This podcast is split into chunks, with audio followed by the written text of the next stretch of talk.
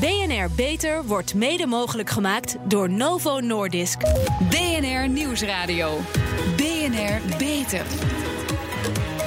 Harmke Pijpers. De vaccinatiegraad daalt de laatste jaren in Nederland, maar ook in de rest van Europa. De Europese Commissie en de Wereldgezondheidsorganisatie hebben al de noodklok geluid. Staatssecretaris Blokhuis komt met maatregelen die ervoor moeten zorgen dat meer ouders hun kinderen kinderen zullen laten vaccineren. Welkom bij BNR Beter, het programma voor mensen die werken aan gezondheid. Mijn gasten vandaag Roland Pierik, universitair hoofddocent rechtsfilosofie aan de UvA en bezig met een boek over vaccineren. En Karoy Illy, kinderarts en voorzitter van de Nederlandse Vereniging voor Kindergeneeskunde. Ja, moeten we ons echt grote zorgen maken? Is er reden om de noodklok te luiden, meneer Pierik? Nou, ik denk dat we, we moeten ons nu nog niet zorgen maken, maar de vaccinatiegraad daalt al een aantal jaar achter elkaar. En er komt een moment dat die te laag wordt en dan moeten we ons zeker zorgen maken. Ja, heeft u er een verklaring voor waarom steeds meer ouders twijfelen of ze een kind uh, moeten laten inenten? Ik denk dat heel veel mensen niet meer goed zien wat die ziektes betekenen. Mm -hmm. We kennen de maas niet, we kennen de polio niet meer. En er is heel veel uh, non-informatie op internet over de gevaren van vaccinaties. Ja. En die maken mensen steeds banger. Ja, meneer Illy, ziet u uh, die twijfels ook steeds meer in uw werk als kinderarts in de praktijk? Ja, um, dat wil zeggen, ik zie, ik zie vooral de gevolgen van het niet vaccineren van kinderen. Mm -hmm. dat was, ik zie kinderen die ziek worden omdat ja. ze niet gevaccineerd zijn. En, en dat zijn vrijwel zonder uitzondering kinderen die niet ziek hadden hoeven te worden als ja. ze gewoon gevaccineerd zouden zijn. Ja. En hoe ziet die ziekte eruit? Bijvoorbeeld de mazelen. Want ik kom zo vaak tegen dat mensen zeggen: ja, zeg, dat hoort er toch gewoon ja. bij. Ik heb vroeger ook de mazelen gehad. Klopt, ik ook. Ja. Uh, uh, en, en, ik en, niet, maar. Nou ja, ik heb toevallig de mazelen gehad. En, ja. en het, maar het, men is vergeten, we zijn vergeten, dat dat helemaal geen onschuldige kinderziektes nee. zijn. Het zijn akelige ziektes en wij zijn niet voor niets in de jaren 50, 60 begonnen met vaccineren, omdat er in die tijd daadwerkelijk tientallen kinderen aan de mazelen overleden. Ja. In Europa zijn sinds 1 januari 2017 al iets van 80 kinderen overleden aan de ziekte. Dus het is een serieuze ziekte. Ja, zeg maar... en, die, en die alle 80 hadden niet dood hoeven te gaan. Nee, ja, dat, dat is natuurlijk. Ja, je kunt niet voorstellen dat je je kind niet vaccineert als dit de gevolgen kunnen zijn. Ja, zeg maar nu, hè, met het feit dat die vaccinatiegraad uh, zo, zo afneemt, lopen we het risico dat we als land teruggaan naar de situatie van voor de vaccinaties?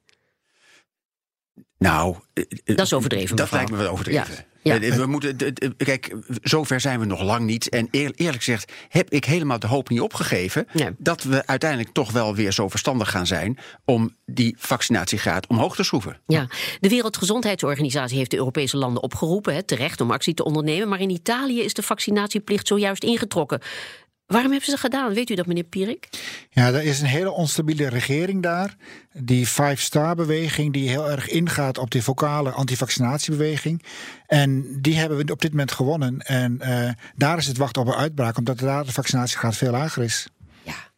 Vroeger waren het vooral de ouders uit de Bijbelbelt hè, die hun kinderen niet wilden laten inenten. Want of je kind ziek wordt of niet, dat is Gods wil. En daar mag je niet tegen ingaan.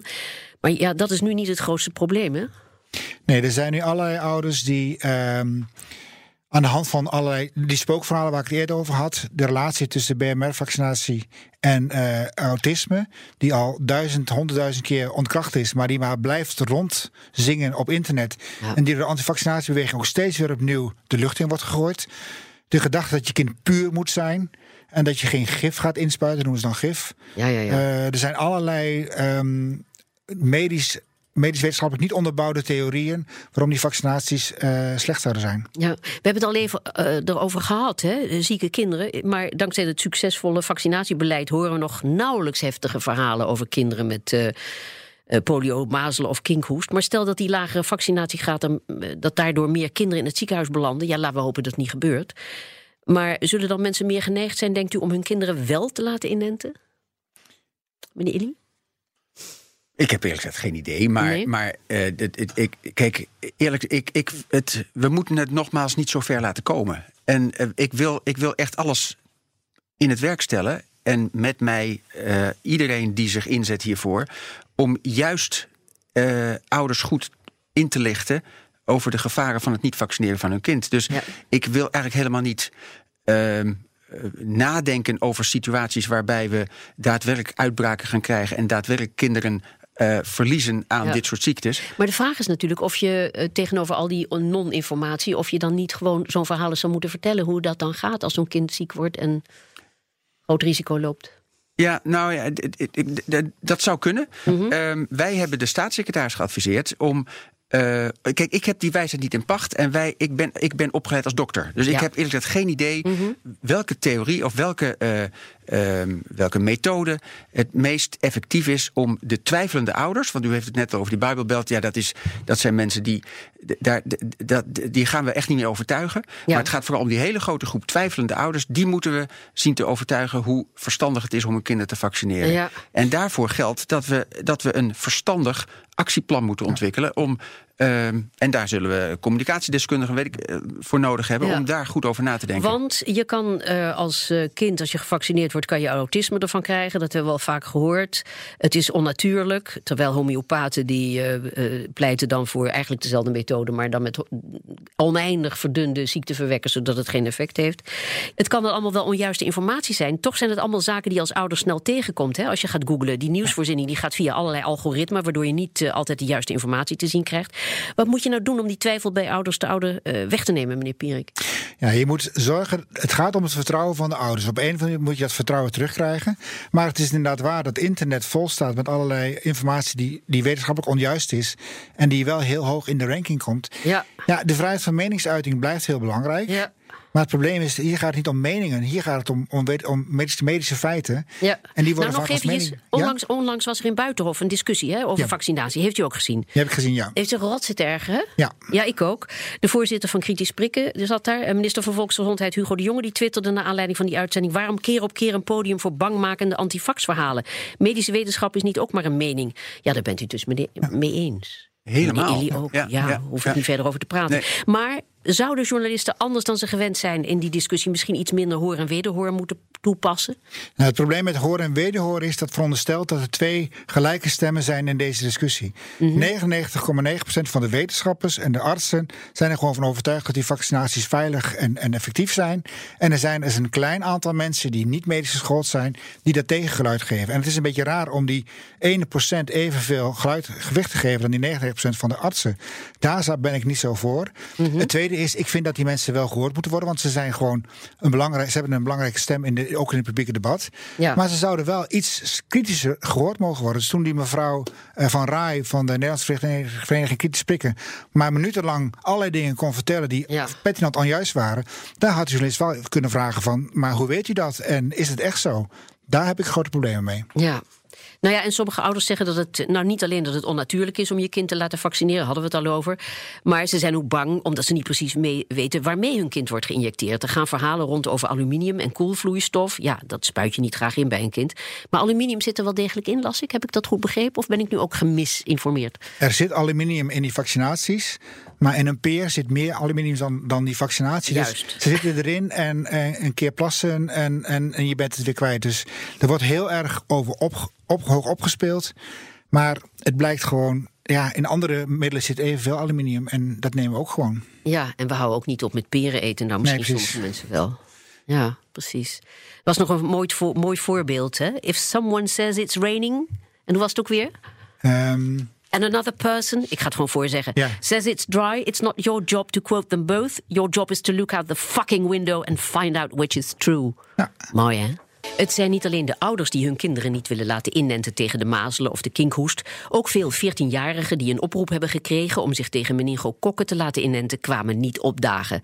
En dan heb je nog het personeel van ziekenhuizen dat zich maar niet wil laten inenten tegen de griep. Ja, je zou verwachten dat de vaccinatiegraad van ziekenhuispersoneel hoog zou zijn, maar het tegendeel is waar. De vaccinatiegraad is er zo laag dat er heuse campagnes tegenaan gegooid moeten worden. Meneer Ili, waarom denkt u dat die vaccinatiegraad in ziekenhuizen zo laag is? Nou ja, ziekenhuis is natuurlijk feitelijk ook een soort van afspiegeling van de maatschappij. Ja. Ehm, maar, maar hoe laag is die? Ik weet het niet precies, maar eh, heel weinig. Hoeveel? Weten we dat? Ik geloof iets van. Nou, ongelooflijk laag. Ik, heb het ik- percentage nog niet even paraat. ik heb geen idee, maar in mijn eigen ziekenhuis is, het een, is het een voortdurende strijd Mhm. Ja. om zoveel mogelijk verpleegkundigen en dokters gevaccineerd te krijgen. Ik heb wel eens tegen mijn Oh, voorzitter. van- ook. Ook, absoluut. Ik heb Ja. wel eens tegen mijn voorzitter van de Raad van Bestuur gezegd: joh, ehm, als je nou het, het veiligste ziekenhuis van Nederland wil zijn, Ja. zou je dan niet moeten verordeneren dat iedereen zich gewoon verplicht laat vaccineren. Ja. Nou ja, dat is dan wel weer een lastige. eh, in, in Amerika zijn dat soort ziekenhuizen. Ehm, wij zijn in Nederland nog niet zo ver. Maar ik, als het gaat om veiligheid in het ziekenhuis, is dat een uitermate belangrijke, op, Ja, belangrijke. Maar maatregel. eh, personeelgebrek, men is al blij dat men eh, eh, personeel kan krijgen. En dan kun je die eis niet stellen, is dat het? Ik, ik, ik denk, nee, want dit speelde al voordat er überhaupt Ah, een personeelsgebrek was. Ja. Ik denk dat het meer om het, eh, het zelfbeschikkingsrecht van mensen gaat, waarbij. Dezelfde eigenwijzigheid. Zo is ja. het. Maar ja, als het zorgpersoneel zich niet wil laten inenten, dan is het natuurlijk helemaal niet zo gek dat mensen aan het nut van zo'n vaccinatie gaan twijfelen. Heeft u trouwens zelf de griepprik gehaald, meneer? Zeker, Oh zeker. ja, goed zo. Ik ook. Ja, goed zo, ik ook. Dan is er nog het nieuws van vorige week, hè? Dat duizenden 14-jarigen de oproep om zich te laten inenten tegen meningokokken hebben genegeerd, terwijl de bacterie aan een heuse opmars bezig is. Dit jaar zijn er in Nederland al 19 mensen overleden als gevolg van een besmetting. Ja, dat is ook een groot probleem, meneer Illy, toch? Ja, ja, nou ja, het is een. Het is een het is, kijk, daar is over nagedacht welke mensen, eh, welke kinderen gevaccineerd moeten worden. Om Ja. te trachten die ziekte in te dammen en het aantal gevallen te verminderen. Eh, en het is, eh, het, het is een ziekte die, eh, die best wel vervelend is, omdat het eh, begint met een griepje, Mhm. maar binnen een hele korte tijd kan uitdraaien op een uitermate akelige ziekte, waar inderdaad dus vele tientallen Het overvalt je. het overvalt. je. Ja. Maar je moet ook niet, niet te veel overdrijven, want 85% is wel opkomende dagen. Dus op zich is dat wel een redelijk hoog. ehm, het is ook niet zo dat daar maar 50 of 40% zijn gekomen. Dus Ja. Ja. Goed, daar moeten we wel weer blij mee zijn. Maarten Keulemans van de Volkskrant die schreef onlangs... achter de klacht van ouders schuilt een wereld van ongenoegen... die veel dieper gaat dan vaccins alleen. Want voor veel moderne, hoogopgeleide... antroposofisch ingestelde ouders... staat de vaccinatie symbool voor alles wat kunstmatig, chemisch en industrieel is. Ja, wat is daar tegen te doen, meneer Illy? Ik vraag u wel veel, hè? Ik zie u Ja, maar, nou, maar wat is de vraag? Nou ja, wat daartegen te doen is, tegen dat gevoel wat die mensen hebben van... eh, ja, eh, wij, wij laten ons niet de wet voorschrijven, zoiets. Nou ja, bijvoorbeeld, eh, ik, ik, ik weet het ook niet, maar, maar ik, ik heb me verdiept in hoe, hoe is het in andere landen georganiseerd. Er zijn bijvoorbeeld in Duitsland in een aantal deelgebieden is georganiseerd dat als ouders be- be- besluiten hun kinderen niet te laten vaccineren, dat er dan een verplicht gesprek plaatsvindt met de kinderarts. Ja, ja.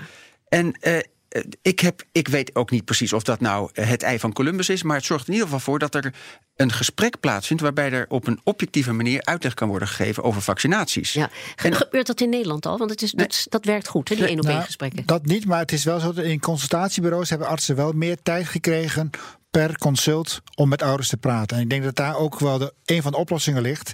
Dat er gewoon veel meer één op één ges- gesprek is met, met de arts. Eh, want daarin kun je, kun, je een, kun je ouders overtuigen. Ja. Want, want zo'n vaccinatieplicht, zou die er moeten komen? Moet gewoon verplicht gesteld worden? Want bijvoorbeeld in Australië krijg je geen kinderbijslag. Nou, dat pakt wel in, denk ik. Ja, Komt ja, wel aan. nou ja, dat. ehm, eh, kijk, het, het woord vaccinatieplicht eh, is, eh, moet, moet wel even genuanceerd worden. Dat we zeggen, het, het is niet zo dat de politie bij je aan de deur komt om, je, om je, je kind te laten vaccineren. De vaccinatieplicht moet zo worden beschouwd als een, eh, een maatregel waarbij je simpelweg niet op een kinderdagverblijf terecht kan komen zonder gevac- eh, als je niet gevaccineerd bent. Dus da- dat betekent in, in, de, in, de, in het jargon een vaccinatieplicht. Ja.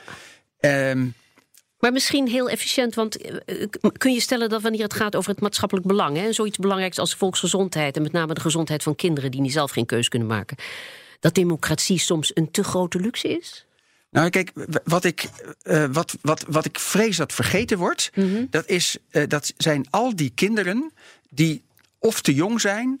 Of een verminderde weerstand hebben en die daardoor niet gevaccineerd Precies. kunnen worden. Dus ik doe vooral en als een ouder en morele als oproep. grootouder heb je dus niet de keuze, hè? want Dat je krijgt die informatie niet, dus jij wordt verondersteld het risico gewoon voor lief, voor lief te nemen. Dat is exact het punt. En Ja. dus ouders, als ouders het al niet doen voor hun eigen kind, eh, heb dan het moreel fatsoen om je te laten vaccineren ten behoeve van al die kinderen die te Mhm. jong zijn of een verminderde weerstand hebben.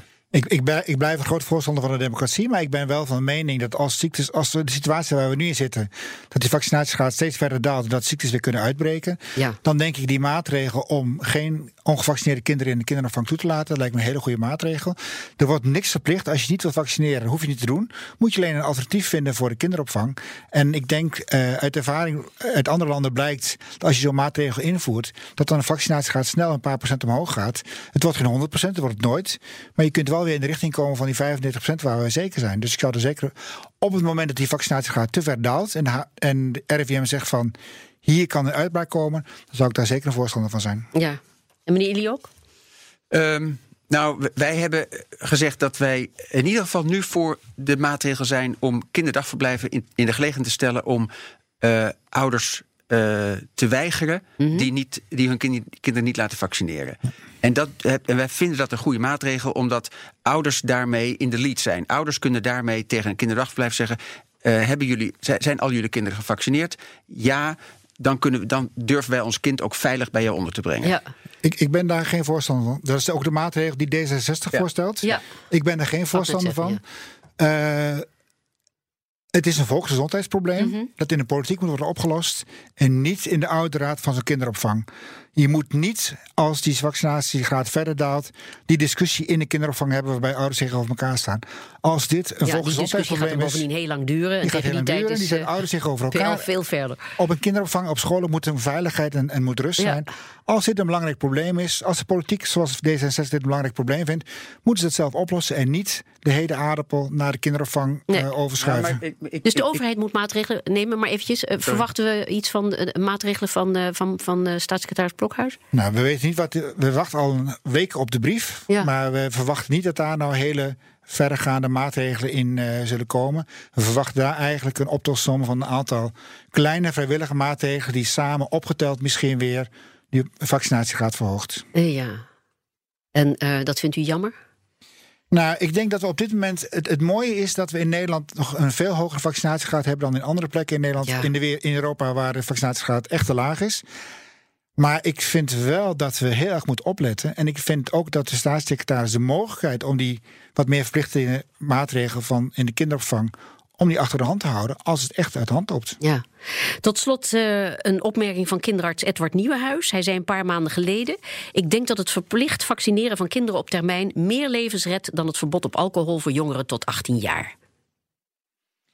Nog commentaar op? n- Dat, ik, ik weet niet of die getallen kloppen. Oké. Maar eh, ik ben het me heel erg eens met de strekking ervan. Eh, en nogmaals, de, het woord verplichte vaccinering, dat, dat, dat, dat verdient enige nuancering. Mhm. Maar, ehm, maar om heel erg veel aandacht te schenken aan de, eh, het gevaar van niet, niet, vacci- niet gevaccineerde kinderen, Ja. vind ik onwaarschijnlijk groot, van, in onwaarschijnlijk groot belang. Ja, lijkt mij ook. Goed. Hartelijk dank Roland Pierik en Karoy Illy. Pioniers in de zorg.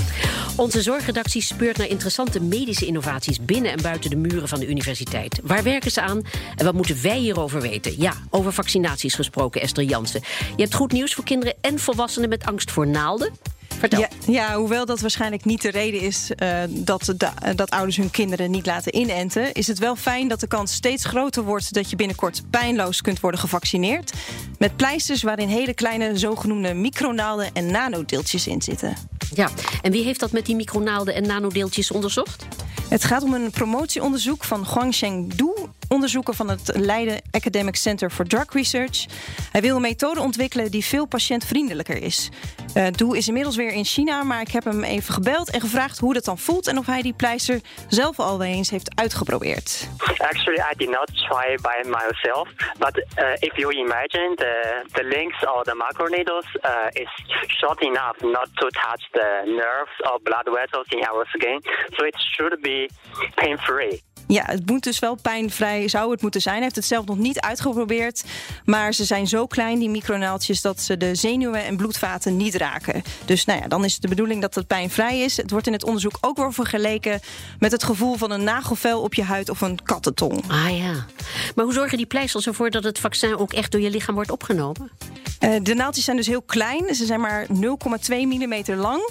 Maar toch komen ze door de buitenste laag van de huid. En met de nanodeeltjes kan een effectieve reactie van het immuunsysteem in gang worden gezet. Zonder dat het dus pijn doet. En mensen zouden dan ook gewoon thuis op de bank zelf die pleister kunnen opplakken. Ja, mooi. Per wanneer zal een gymzaal met huilende kinderen tot het verleden behoren? Wanneer hebben we die pleisters eh, eh, beschikbaar? Uh, Doe heeft tot nu toe alleen nog getest op muizen. Uh, er zijn ook wel meer onderzoeken naar dit soort pleisters, maar het is nu nog een kwestie van, uh, ook van regelgeving en toestemming.